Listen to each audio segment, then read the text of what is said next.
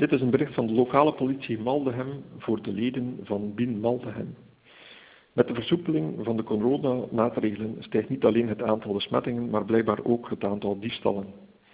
Na een rustig jaar waarin we zeer weinig vaststellingen van inbraken en of diefstallen hadden, lijken de mensen met minder goede bedoelingen en minder goede intenties met hernieuwde moed hun activiteiten te hervatten. Deze week kregen we meerdere aangiftes van diefstallen van fietsen uit de garages en tuinhuizen in de regio Kleit. Ook kregen we enkele meldingen van wisseltrucs in de winkels en waren er diefstallen van handtassen die onbeheerd in winkelkarren stonden. Ik kan jullie enkel vragen om voorzichtig te zijn. Controleer jullie sluitwerk. Laat geen spullen onbeheerd achter in de voortuin of in de winkelkar of in de auto.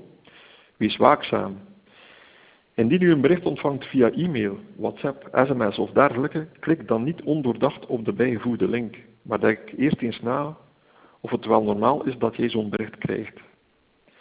Als biengemandateerde wens ik jullie allen een prachtig en veilige zomer toe. Dit is het einde van dit bericht.